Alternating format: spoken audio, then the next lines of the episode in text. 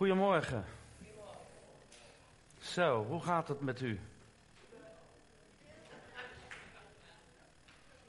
Goed. Niet goed is toch goed, hè? Ja. Sta ik, eh, ben ik te verstaan een beetje? Oké. Mooi. Wat is het fijn om hier weer te zijn. Lang geleden, hè? Ja. Maar we zijn er weer. En eh, zoals u hoorde zijn we 85 jaar getrouwd.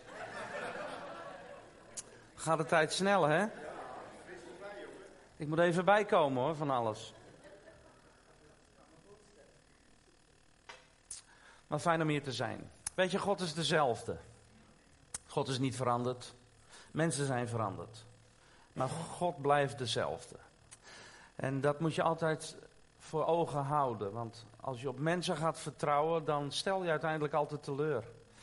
En dat heeft ons bijvoorbeeld ook altijd samen bij elkaar, of dat we altijd bij elkaar zijn gebleven. We hebben ook in het begin van ons huwelijk wel iets afgesproken. En dat is nood, noodzakelijk als je in het huwelijk gaat treden. Als je, dan, dan is het goed om vaste afspraken te maken. En één afspraak die altijd heeft geholpen, was dat ik had, we hebben dat afgesproken. Ze kijkt me alweer aan, ze denkt wat gaat er komen.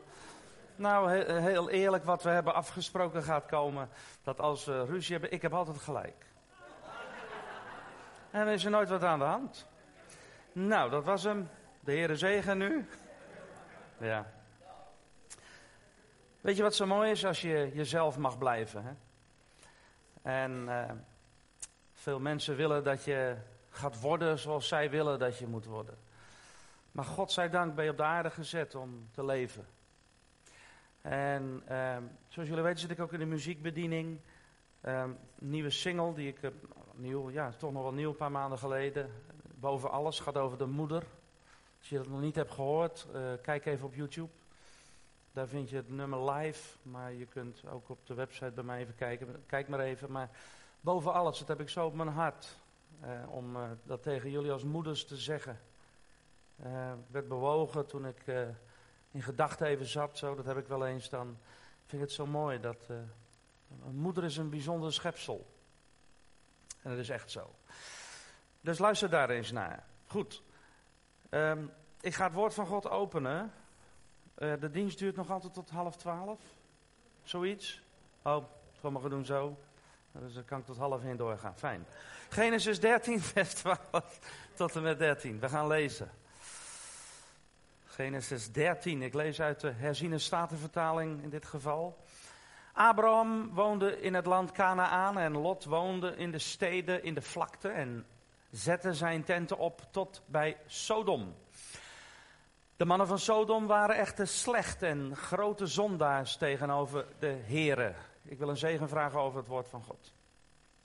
Heilige Geest, dank u wel dat u mijn lippen heeft gezalfd en onze oren. Ik vraag u onmisbare zegen over alles wat ik mag zeggen.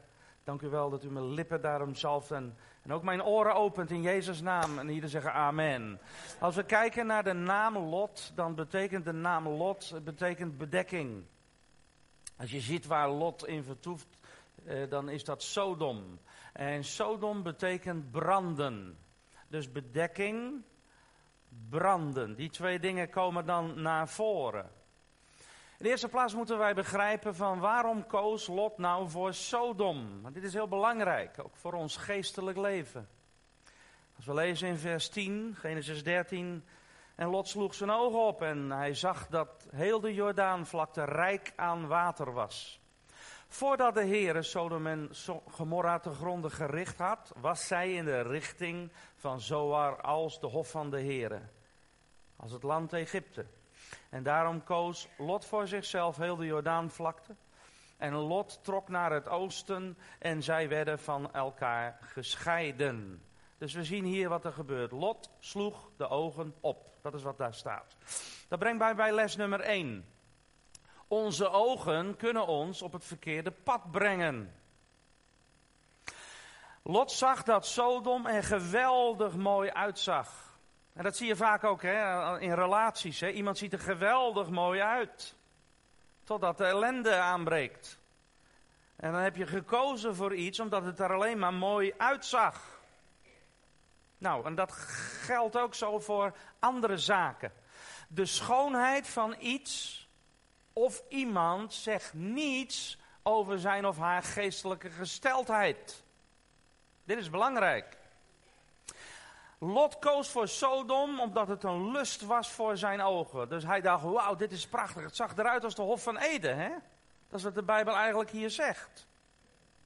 Welvaart, comfort, etc. Maar Sodom betekent branden. Betekent nog iets anders. Als we kijken in de, in de Hebreeuwse grondtekst, dan zegt het ook iets als geboeid zijn, geboeid aan voeten. Geestelijk gezien wil Sodom ons vernietigen. Wij leven in een wereld waar alles kan en alles mag. Wij leven in een maatschappij waarbij iedereen langs elkaar heen waar ze allemaal langs elkaar heen leven. Alles draait om roem, alles draait om succes, alles draait om dat soort zaken. Sodom wil zeggen niets anders dan het beeld van de wereld waarin wij nu leven. Wij leven letterlijk in Sodom. Wat onze ogen zien is lang niet altijd een zegen. Een geweldig landschap zag Lot en hij werd daardoor bevangen. Dit is belangrijk. Leer je ogen af te wenden van iets wat niet van God is. Amen? Dit is heel belangrijk. Eh, wat zien we vaak? Mensen kopen te dure huizen, te dure auto's.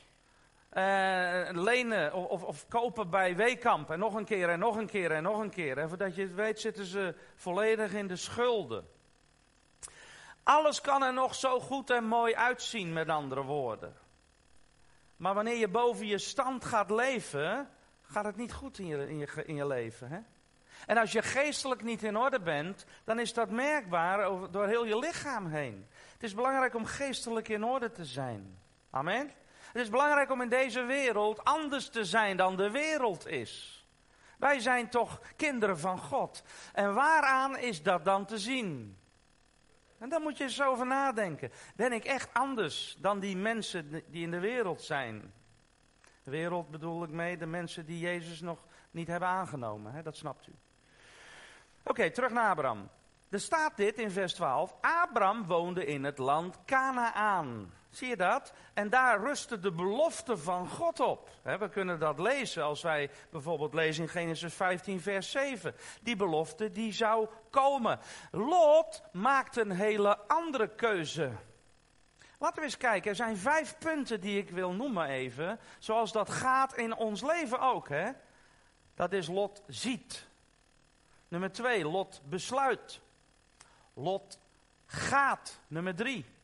Vier, Lot woont. En dan de vijfde, Lot zat. Waar zat hij? Hij zat in de poort. Misschien zit jij ook in die poort, al een hele lange tijd. En daar kom ik zo op terug. Ik lees vanuit Genesis 19 nu, vers 1 van de NBG. En de twee engelen kwamen in de avond te Sodom en Lot zat in de poort van Sodom. Lot zit daar. En wat gaat er door hem heen? Beslissingen die genomen zijn. Heeft hij spijt van. Hij zit in de poort overdenkende. Hij ziet hoe de mens is. Hij ziet hoe de zonde hoogtij viert. Hij ziet dat de mensen totaal, maar dan ook totaal van God afgedwaald zijn of afgeweken zijn. Helemaal niets met hem te maken willen hebben. Het doet hem wat. Misschien zit jij ook in die poort, zoals ik net al zei, en je denkt, wat heb ik gedaan? Welke beslissingen heb ik gemaakt? Welke domme beslissingen misschien? Waarin ben ik verzeild geraakt? Waarom heb ik gekozen bijvoorbeeld voor iets wat mij te gronden richt of wil richten? En hoe ga je daar dan mee om? Lieve mensen, het is belangrijk om niet in het verleden te leven, maar in het heden. Want het verleden is voorbij. En je kunt het verleden nooit meer brengen naar de toekomst. Wat achter je ligt, ligt achter je. En laat het ook achter je. Halleluja. Wees blij in de Heer en zing verheugd. Want de Heer is een groot God. Geprezen zij zijn heilige naam. En als je dan in die poort zit, zoals Lot. Dan gaan we wat leren van Lot. Je kunt je afvragen, Waarom overkomt mij dit? De reden dat Trudy en ik bijvoorbeeld 35 jaar getrouwd zijn, is niet omdat ik zo geweldig ben. Maar dat had u al door, al lang geleden. Toch? Of dat zij zo geweldig is. Ja. Maar waar het om draait is, als wij God niet hadden gehad, dan hadden wij nooit meer bij elkaar gebleven. Zo simpel is dat. We hadden vanochtend nog een vreselijke ruzie toen we hierheen kwamen. Onge... Nee, een grapje. Ja, het, mag toch, het is toch feest? Kom op, hé. Ja, altijd die lange gezichten. Hier niet hoor, in Limburg. Jullie hebben vrolijke gezichten hier. Prijs de Heer, de Heer zegen jullie. Ja, fijn hè? Je denkt van nou, dadelijk is hij weer weg. Laten we over twee jaar vragen we weer over drie jaar hè? Het is weer genoeg zo hè? Nou, ze kennen mij al langer hè, vandaag. Mooi. Luister. Je kunt ten diepste nog zo'n goed mens zijn hè? Maar wereldse invloeden kunnen je gemakzuchtig maken. Ze kunnen je denken veranderen. Lot, hij woonde in een stad van immoraliteit. Verkeerde keuzes kunnen iemand opbreken. Hij overdenkt en hij lijdt met een lange ei. Hij berustte zich erin. Hij zit dan in die poort van Sodom, zegt vers 19. Als ik, als ik dan even nadenk, wat doet hij dan in die poort van Sodom? Waarom zit hij daar in die poort? Wel, als we gaan kijken naar de tijd hoe het vroeger was, dan zat hij blijkbaar in het stadsbestuur. Hij was dus een man van aanzien. Was niet zomaar iemand. En toch werd Lot zijn lot. Het werd zijn lot. Uiteindelijk. Wat, wat was er gebeurd? Lot liet zich door verkeerde keuzes in het wereldse, liet hij zich beïnvloeden. En hij berustte zich er blijkbaar in dat hij zo leefde. Sodom staat dan op de nominatie om vernietigd te worden. En wat zien wij? De mannen van de staat, die wilden zelfs gemeenschap met de engelen. We kennen dat, hè? Homoseksuele praktijken. Engelen die gemeenschap wilden hebben met mensen. En we zien dat vandaag aan de dag ook gebeuren, hè? Alles kan en alles mag. De christen komt niet meer uit waarvoor hij moet uitkomen. Maar hij, hij deint met alle winden mee. Nee, lieve mensen. Zonde is zonde. Recht is recht. En krom is krom. Mhm. Vandaag leven wij in een hele roerige tijd. Misschien hebben jullie het niet meegekregen, maar ik heb ook een boek geschreven samen met uh, nog een paar anderen. Oude Neel, Fijke ter Velde, Henk van Zon. En daar hebben we het over de eindtijd. Over de tekenen die je ziet en noem het allemaal maar op. Omdat het me raakt. Net zoals nu. De dingen die we zien, dat raakt me. Jezus zegt, mijn komst zal zijn als in de dagen van Noach en Lot, weet je nog? Noach betekent Noen Shet. Noen is 50, Shet is 8. Tezamen 58. Israël leeft vandaag in de 58ste eeuw. En Jezus zegt, mijn komst zal zijn als in de dagen van Noach. Zijn wij alert? Begrijpen wij in welke tijd we leven? Durven wij uit te komen voor wie we zijn? Is daar nog vuur in ons hart? Is daar nog blijdschap in ons hart?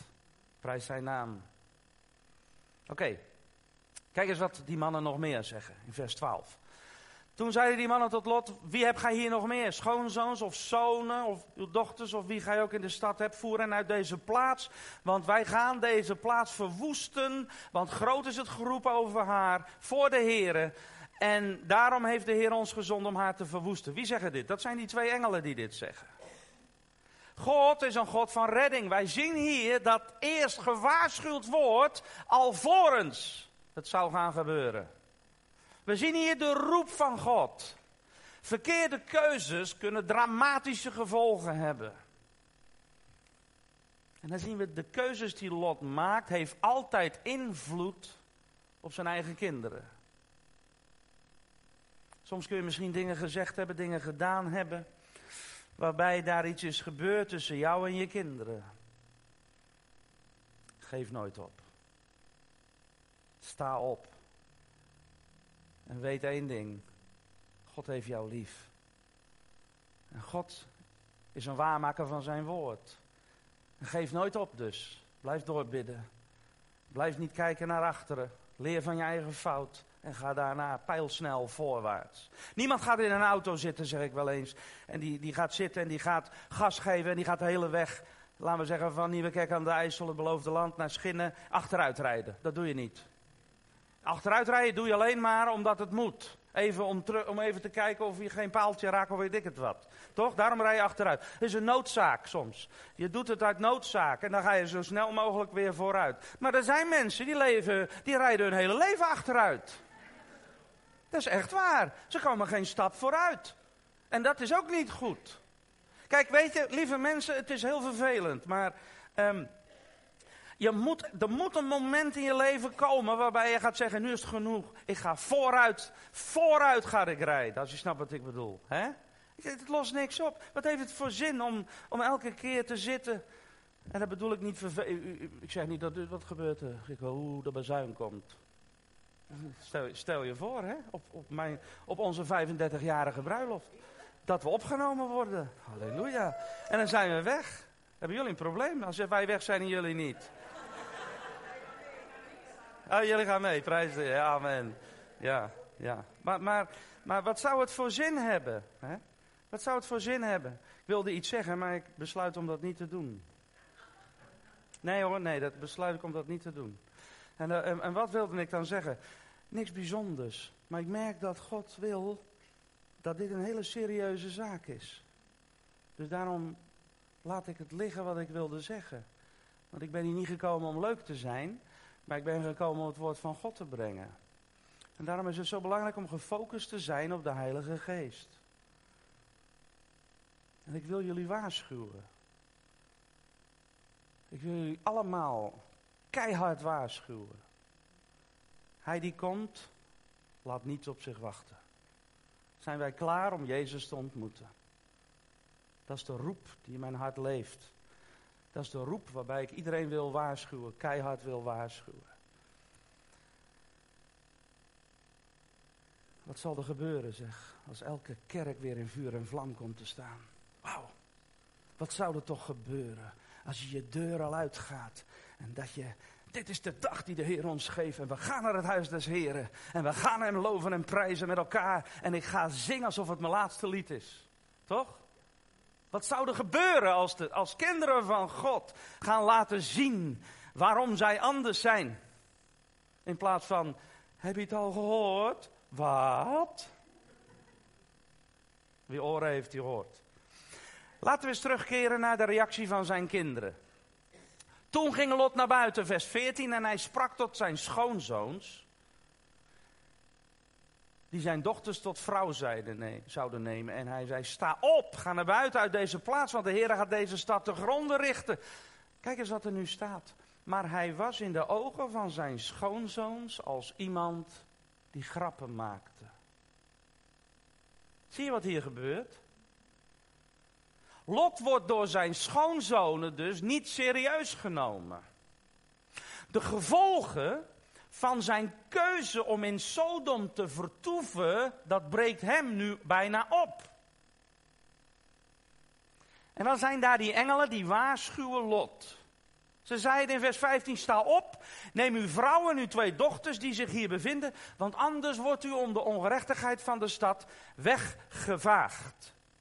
Lieve mensen, ga weg uit een omgeving die een negatieve invloed over jou hebben. Of over u.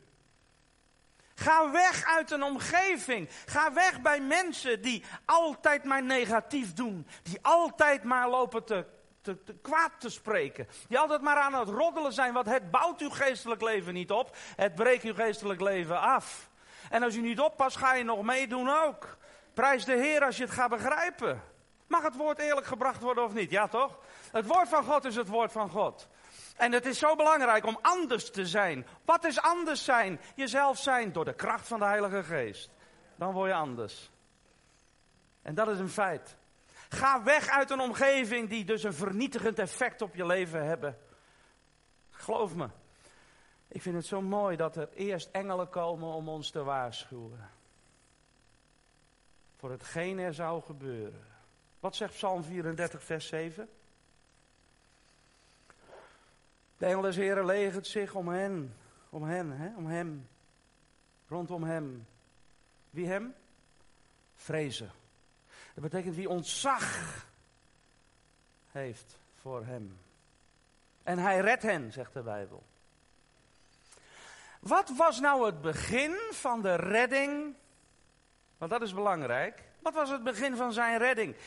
Hij liet de engelen in zijn huis verblijven. Dat bedoel ik mee, de hemel kwam. Hij liet de hemel toe. Dit is belangrijk. Als je je leven wil veranderen, moet je de hemel toelaten. Als je gezinnen wil veranderen, als je, je gezin moet veranderen, dan moet je, geloof me, klagen heeft geen enkele zin. Wij weten, wij weten hoe of wat, geloof me maar. Wij weten hoe het werkt. Ach man, als je een gemeente leidt, weet je hoe het werkt. En dat is een leuk ook. Het is een zegen om in een roeping te staan. Dat is zo mooi om God te dienen. En maakt niet uit wat er gebeurt. Maakt niet uit hoe mensen denken. Blijf standvastig. Ook in je gezin. Wees een vader en een moeder voor je kinderen. Halleluja. Wees een voorbeeld voor hen. Ook in je fouten zien ze dat je fouten maakt. En durf dat ook toe te geven. Ik zat fout. Halleluja. En als je 35 jaar getrouwd bent, durft dan te zeggen: I love you. Zeggen ze altijd verkeerd. Love, moet wel eens lachen. Love is een zanggroep. Love. Ja, toch? En wat is dat mooi als je, dat, als je gaat genieten van het leven. Laat je niet stilzetten door mensen, maar ga genieten van het leven. Want het zijn roerige tijden, maar het leven is toch geweldig. Onderweg zag ik weer een paar roofvogels op een boom zitten. Oh ja, zitten die hier? Ja, kijken. Genieten van het leven, met andere woorden. Weet je, als je door een probleem gaat, dan denk je heel vaak, dat probleem wat ik heb, dat heeft niemand. Dat denk je niet zozeer, maar zo, ja, dat zit in ons, hè. Maar dat is niet waar. Er zijn altijd andere mensen die gaan ook door, die, door diezelfde dingen heen. Het is zo mooi als je dan straks anderen kunt helpen. Dat is Gods bedoeling. Wauw. Zie toch, mijn heren, neem toch uw intrek in het huis van uw knecht. Vers 2. Overnacht en wast uw voeten, dan kunnen jullie morgen vroeg weer verder gaan, staat er. Oké, laten we eens met elkaar nadenken. Is het niet zo dat geld, weelde, dat soort dingen, daar kun je aan vastzitten? Waar of niet? Heel zachtjes hoor je, hè? Ja, ja, ja. Vind het wel fijn. ja. Sodom was prachtig, maar binnenin was zij zeer en zeer duister. Kijk eens naar Lot, zijn vrouw, de vrouw van Lot. Zij kon geen afstand nemen van die plaats. Ze zit eraan vast.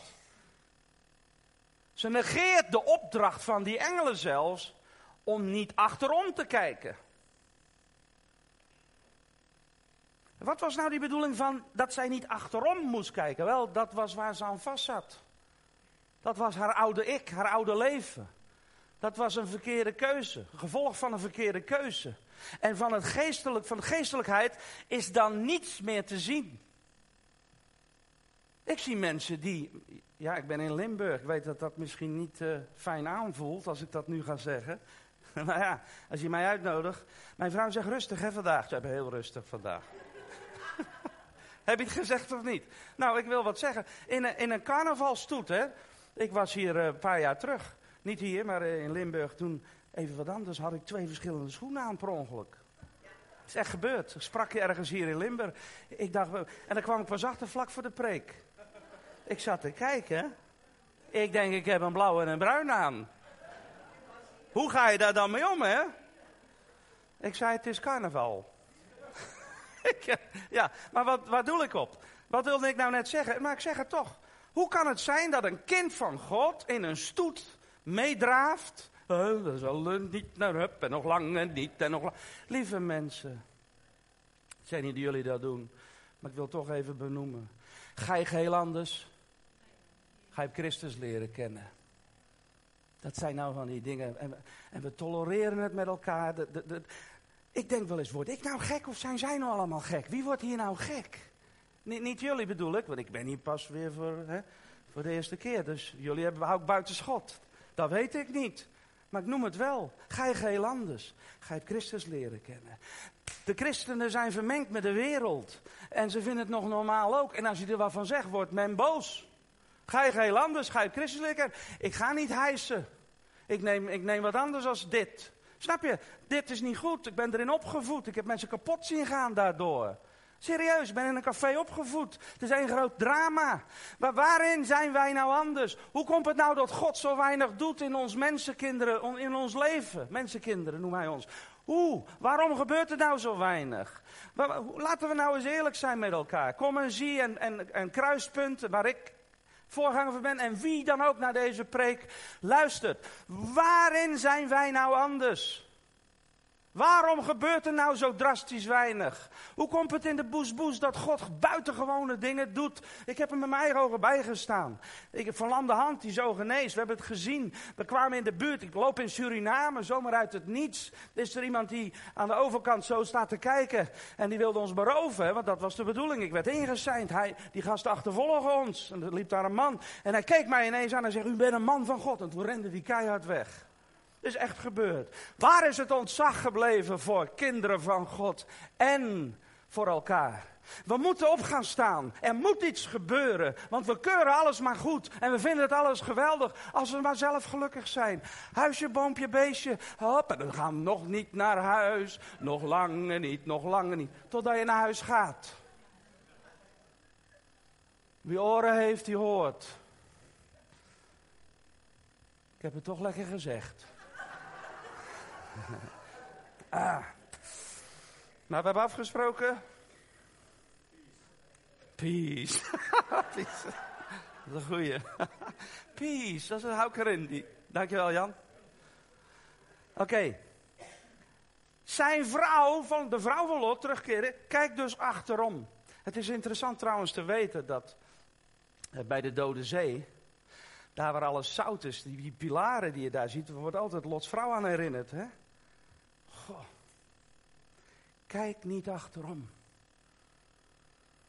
Wees de Heer gehoorzaam en laat los wat je los moet laten, wil ik je zeggen. Zo belangrijk. Laat nou toch eens los. Lots vrouw bleef vasthouden aan een wereld die vol met zonde zat. Een plaats, type beeld van de wereld. Is het beeld van de zonde niet vaarwel willen zeggen. Maar dan moet je kijken, wat deed Lot nou zelf? Vers 15 zegt toen het dag werd, de dageraad werd aangebroken, drongen de engelen bij Lot aan. Hé hey jongens, jongen, het is menens, sta op! Sla Gods waarschuwingen dus niet in de wind. Was Lot een rechtvaardig man? Jawel. Hij was een rechtvaardig man. God wilde hem sparen. Maar hij moest iets doen. Hij moest op gaan staan op gaan staan. Hij moest tot actie overgaan. Eerst breekt de nieuwe morgen altijd aan voordat God iets gaat doen. Jarenlang hoor je straks, Jezus komt, Jezus komt. Nou, zo wel. Paulus zei dat ook al. Jezus komt, Jezus komt. Totdat hij er ineens is. Wat is de dageraad? Dat is het begin van de vierde nachtwaken. Waar de, hoe zou ik dat zeggen? Waar de overgang van de nacht in de dag verandert. De vierde nachtwaken. Lot kreeg dus de hemel op bezoek. God was Lot niet vergeten. God is jou niet vergeten. Weet je nog wat Sodom betekent? Branden, vuur. En wij weten dat de hemel zal vergaan door vuur. 2 Petrus 3, 3 vers 12. Vol verwachting moet u zich spoeden naar de komst van de dag van God. Ter wille waarvan de hemelen brandende zullen vergaan en de elementen in vuur zullen wegsmelten. Uranos, Uranos is het woord voor hemelen in het Nieuwe Testament. Uranium, atoom. Daarom zal alles vergaan door vuur. Want uranium, daar wordt atoombom meegemaakt. Hè? Dus zijn wij wakker? Zijn wij wakker? Weten wij in welke tijd wij leven? Wat zien we hier staan? Lot aarzelde echter. Daarom grepen die mannen, let eens op wat er gebeurt. Die mannen moesten zijn hand grijpen. Hij aarzelde. Kom aan, meekomen. Dat is de God die leidt. Hij leidt ons. De Heilige Geest laat ons niet in de steek. Hij is de trooster. Hij geeft kracht. Hij geeft leiding. En hij neemt je bij de hand. Als jij twijfelt, even niet weet welke kant je op moet, dan zegt hij: Kom maar. Ik leid jou.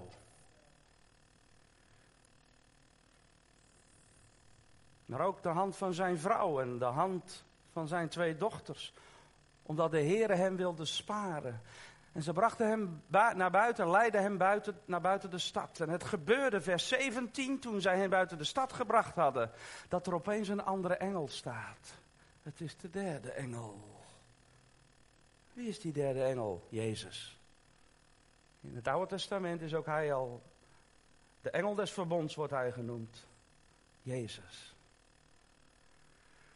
Die staat daar ineens. Prachtig. Een beeld van nu. Een beeld van 2000 jaar geleden. Dat alleen hij kan redden. Op het moment dat daar redding aan te pas komt, dan is daar ineens die derde engel. Jezus. Prachtig. Maar Lot, kijk eens eens wat hij zegt. Vlug voor uw leven. Kijk niet achter u.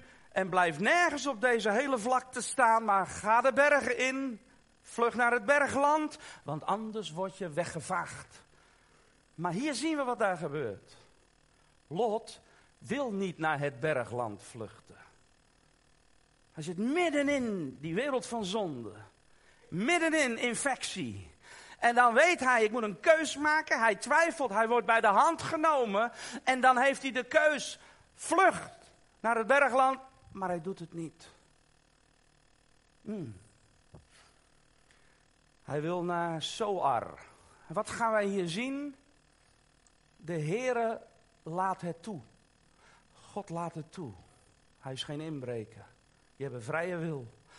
Dat wil niet zeggen dat hij daardoor gezegend zal worden. Sterker nog, we gaan zo zien wat daar is gebeurd.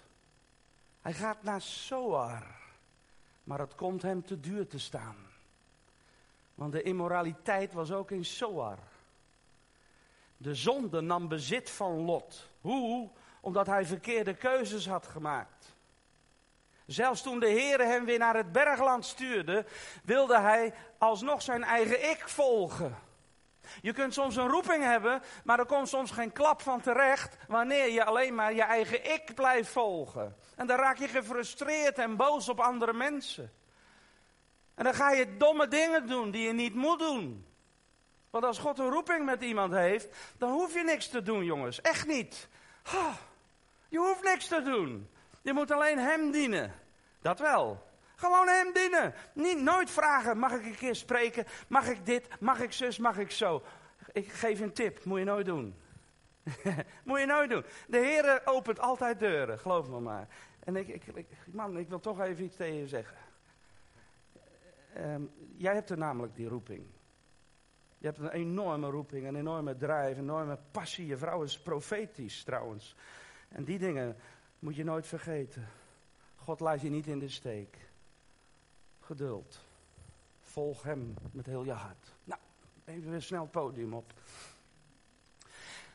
Kijk eens wat daar nu gebeurt.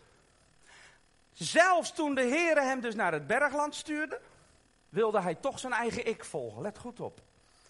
En dan zie je wat daar gebeurt. Zijn eigen dochters voerden hem dronken. En ze hadden gemeenschap met hem. Zie je wat Sodom doet? En nog erger, ze raakten daardoor in verwachting. En wij denken, ja, dat is heel erg. Maar goed, uh, dat is toch uh, ja, daarna weer voorbij. Oh ja, we hebben tot op de dag vandaag, tot op de dag van vandaag, hebben wij als mensen daar de ellende van. Waarom? Het resultaat is dit. Er werden twee zonen geboren. Moab en Ben-Ami. En wat gebeurde daar met die twee? Daardoor zijn de Moabieten en de Ammonieten zijn daardoor uit ontstaan. En wie waren dat? Dat, dat waren de grootste vijanden van, van Israël. Maar dat niet alleen. De god van de Moabieten, die heet Chemos. En dat is, die staat ook bekend als, uh, hoe heet hij, Baal Peor. Ja? Chemos is namelijk de god onder andere van de pornografie. Waar je vandaag aan de dag mee geconfronteerd wordt. En als je niet oppast, mee geïnfecteerd wordt. Israël viel in onreinheid, in hoererij. Hoe? Door gemeenschap te hebben met de Moabitische vrouwen. Hoererij, persiviteit, perversiteit, sorry. We zien de invloed van chemos, zien wij vandaag, Allah vandaag, juist vandaag, voor onze eigen ogen gebeuren. En dan de Ammonieten, de god Moloch. Weet je welke god hij is? De god van abortussen. Er werden in die tijd afschuwelijke kinderoffers gebracht. En vooraf waren er eerst seksuele rituelen. En hierdoor ontstonden er zwangerschappen. En dan, als, als dan zo'n kind geboren werd, dan werd dat kind geofferd aan de afgod. Dus we hebben geen idee van wat er nou eigenlijk echt is ontstaan in de tijd van Lot. Daar is het ontstaan. Daar is het echt doorgebroken. Het begon bij Lot. Door de verkeerde keuzes. Maar hoe kwam het nu dat Lot toch werd gespaard? Dus hij werd gespaard, onder, ondanks alles. Nummer 1, hij was rechtvaardig. Hij heeft verkeerde keuzes gemaakt. Maar desondanks was hij rechtvaardig. Hoe weet ik dat? De Bijbel zegt het in 2 Petrus 2, vers 7. Daar staat over de rechtvaardige Lot die zwaar te lijden had onder de losbandige wandel van de zedeloze mensen. Dat is wat daar letterlijk staat. Maar er was nog iets anders. Iets wat het volk van God gezamenlijk bijna nooit meer doet. Wil je het horen? Jullie zijn er stil van. Zal ik het echt zeggen? Wat doet het volk nou gezamenlijk bijna nooit meer? Bidden. De duivel heeft zijn zin hoor. De belangrijkste samenkomst wordt vermeden. Waarom werd Lot gered? Ah, hij was rechtvaardig. Was dat genoeg? Nee. Nee. Weet je wat, weet je wat er gebeurt met gebed? Je brengt God in herinnering. Als jij nu bidt en je bent jaren verder en die situatie die gaat plaatsvinden, dan breng je God in herinnering, want hij gedenkt jouw gebed. Is dat waar of niet? Ja, dat is waar, want de Bijbel zegt dat. Wie heeft er dan voor hem gebeden? Zijn oom Abraham. Abraham. Kijk maar naar Genesis 18, vers 24. Dus er staat dit. Ik ga naar vers 29, Genesis 19. Let goed op. En het gebeurde toen God de steden, de vlakte, dus, dus de vlakte te gronden ging richten. Kijk eens wat er staat. Dat God aan Abraham dacht. Staat er letterlijk. En daarom, niet, niet waarom, maar daarom leidde hij Lot uit het midden weg van die verwoesting. Er was iemand die bad. er was iemand die bad. En dat kan iemands leven redden. We hebben geen idee wat gebed doet. We zien gebed als iets wat erbij hoort. We, de doorsnee mens. Vul je eigen naam al dan niet in hoor, want ik, ik zeg gewoon iets in het openbaar. Je moet zelf de spiegel voor je houden. Doe ik ook bij mijn eigen. Hè? Maar dat is wat er mis is in christelijk Nederland. De mensen bidden niet meer. Deze is de baas. Je kan er van alle trucjes mee doen. Dit ding is de baas. Dit. De passie voor God is veranderd voor passie naar het strand. Passie om andere dingen te doen. De preken moeten vooral niet te lang duren. Want anders kunnen we het niet begrijpen, zegt de wetenschap. Maar volgens mij is er iemand die boven de wetenschap staat. Dat is de Heilige Geest. Volgens mij, als iets boeit, kan ik daar echt wel uren naar luisteren. Het boeit natuurlijk als ik tot u spreek. U heeft alle tijd vandaag. Nee hoor, maak maar een grapje. Kijk, naar de mens gesproken kunnen we het inderdaad niet bolwerken. Hoe kan het dan dat ik bij mannen gods en vrouwen gods net zo goed echt uren naar kan luisteren, zeg? Zodat ik denk van, het is nou al afgelopen. Neem een Corrie de Boom van vroeger, als je dat boek, dat blijf je toch lezen. Als je zo'n mens bij je op visite hebt, dan weet je toch dat ze nooit meer weggaat. Of niet? Snap je wat ik een beetje wil zeggen? Ik had een oude geestelijk vader, daar kon ik uren naar luisteren. Eh, maar, het is ook niet helemaal waar, want we kunnen ook uren. We gaan naar de bioscoop ook. En dan zitten we echt aandachtig te lachen en te kijken en te doen. Dus lieve mensen, stop daarmee met dat doemdenken. Ga staan in de naam van Jezus en ga vurig worden. Ga bidden voor je zoon. Moet het veranderen in je gezin? Als het moet veranderen in je gezin, zul je net moeten gaan worden als Abraham. Hij bad, Heer, als er vijftig zijn, laat toch alsjeblieft niet zo vernietigd worden. Nee, zegt God, als er vijftig zijn, zal ik dat niet doen. Laten we zo beginnen. Maar als er nou 49 zijn, en zo ga ik met mijn eigen woorden even de lijst af. En maar als er nou 35 zijn, nee, dan zal ik het niet doen. En als er nou twee zijn, nee, dan zal ik het niet doen. En als er nou één is, nee, dan zal ik het niet doen. Dat is mijn eigen bewoordingen nu, hoe God denkt. Maar God denkt ook zo. Wees een bidder. Ga staan op de belofte van onze God. Ga bidden voor je zoon, wat ik al zei. En er komt verandering. Jaren later gedenkt God ineens dat gebed. Kom uit de poort van je denken. Tot slot. Ga dat ding wegdoen. Kom uit de poort van je denken.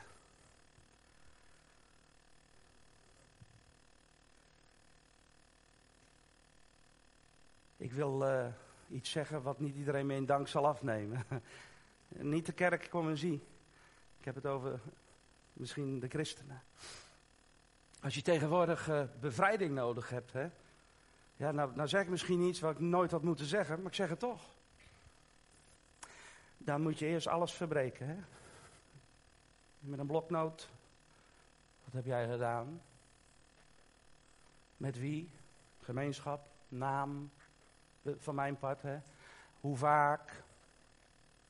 Wordt allemaal. Hè? Er wordt er van alles verbroken. Ja, het klopt. Dat heb ik Jezus ook zien doen. Die liep ook zo door de stad met een grote bloknoot, met een iPad toen nog. Hè? En die schreef van alles op. Wat heb jij gedaan? Je moet eens voor de gein de zendingsfilms kijken. Als ik in het buitenland ben. Ik kijk erbij, ik, ik sta erbij en ik kijk ernaar. Hoe machtig God werkt in de naam van Jezus. Mensen worden bevrijd, gekruist. Er gebeurt van alles. En mensen zijn gewoon bevrijd. Wat is dat toch vandaag? En natuurlijk wordt men boos als je daarover spreekt. Wij zijn zo veranderd. Weet je wat de bittere realiteit is? Weet je wat de bittere realiteit is? Het ontbreekt aan zalving. Dat is de echte realiteit. En dat willen we goed maken door er veel langer over te doen dan nodig is. En de mensen zelf, hebben geen idee hoe ze hun leven indelen met God. Dus je blijft steeds achter de feiten aanlopen. We moeten een verandering gaan krijgen in ons denken. Jezus heeft gezegd: Ik ben gekomen. Ja, toch? Om ons het leven te geven, om jullie het leven te geven en overvloed.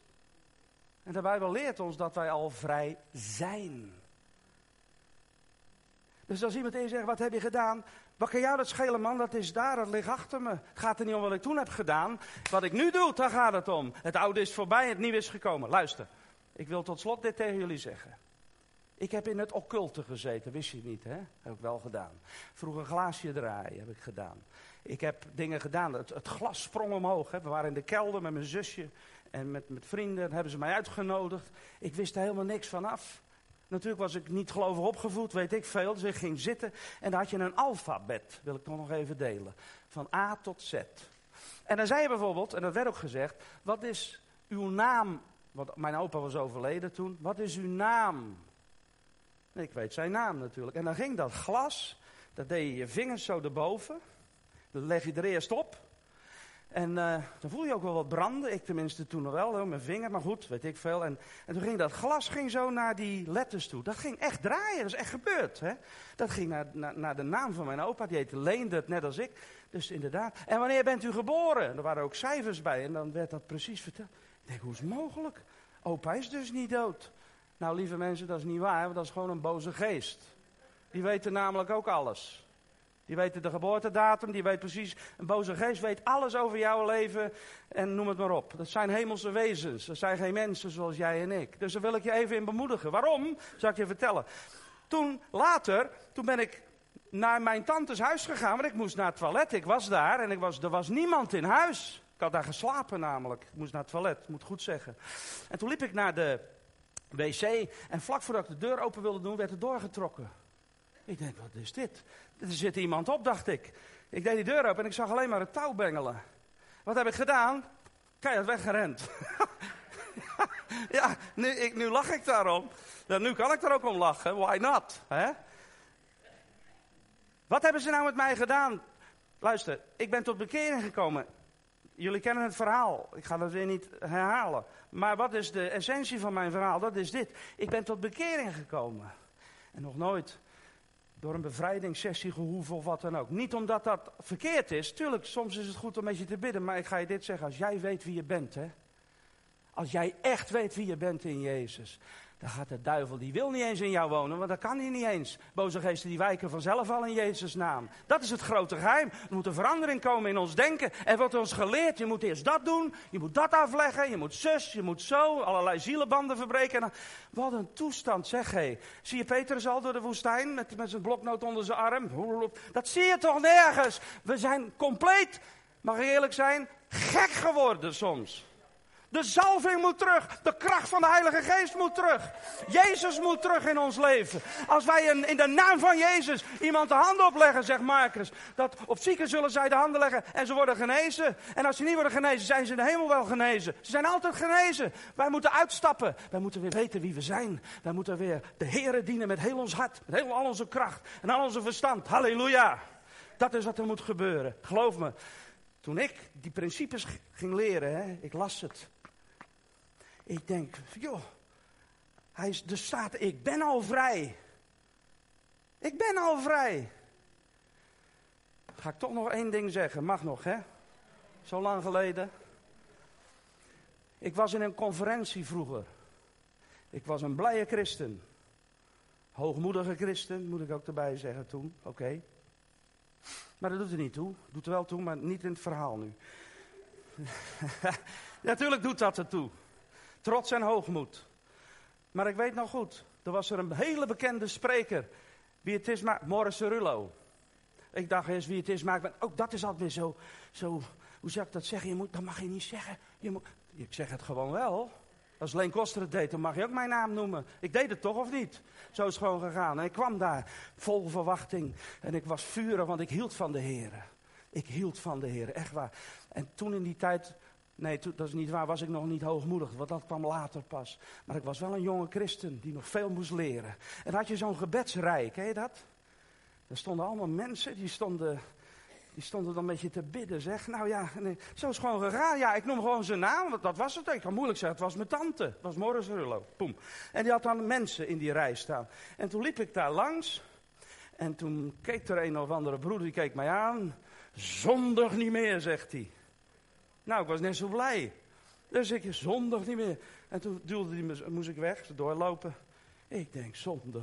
Helemaal zondag was het naar de maan, hè? Maar het was geen zondag, voor mij een donderdag. Ik weet niet eens, kan mij het schelen. Dus ik ging weer naar mijn plaats. En ik had zo'n spijkerjekje, kan je dat nog herinneren? Met zo'n kraag, hè? Een beetje omhoog. Dat had ik dan weer wel. En toen ging ik zitten. En, uh, en allerlei... Maar ik, het zat me niet lekker, Jan. Ik, ik baalde als een stekker. Dus ik ging weer die rij in. Ja, dat had ik wel. Ik ging weer de hup achteraan aansluiten. Zo, net zolang totdat ik voor hem stond. En toen stond ik weer. En hij keek me zo aan. Ik zeg, uh, u zegt zondag niet meer. Mag ik u wat vragen? Ja, zeg u maar. Zeg het maar, broeder. Zeg het maar, jongeman. Zo zei dit. Wat heb ik gedaan? Kon hij even niet zeggen. Makkelijk, hè? Zondag niet meer. Zeg dan ook wat ik heb gedaan. Kan ik me bekeren? Snap je? Wat is nou de les van vanochtend? Want er is heel veel gezegd in een korte tijd. De les van vanochtend is dit. Je leeft in een wereld die God niet moet. Waarin ben jij dan anders? En als je anders bent, ga je mensen bereiken. En als je door de problemen gaat, ga je eruit komen. En je gaat andere mensen helpen. Dat is de kracht van de kerk. We moeten weer gaan bidden. Ik hoop dat dat in je hart gelegd wordt. Niet vanuit moeten, maar vanuit een drive. Bewogenheid. En dat is wat ik hoop. En als je met mensen omgaat die jouw geestelijk leven kapot maken, maak daar korte metten mee. Zorg ervoor dat vrienden in je omgeving niet jouw geestelijk leven naar beneden halen. Dat is belangrijk. Ga hun infecteren met de gospel, met het evangelie van Jezus. Tot slot, bevrijding. Lees het woord van God, 66 boeken in een kaft. Daar staat in hoe of wat. Hoe ben ik dus bevrijd geraakt? Dat antwoord zou ik nog geven. Nogmaals. Ik zeg het, herhaal het maar even nog een keer. Ik heb het wel eens vaker gezegd, overal. Ik las, en wat ik las, was ook voor mij. en demonen moeten wijken in Jezus' naam. En dat doen ze ook. Dus ik ga vrij door het leven. Vrij door het leven. Echt waar. Maak korte metten met alles. Kom en zie, God houdt van jullie. Dat is één ding wat zeker is.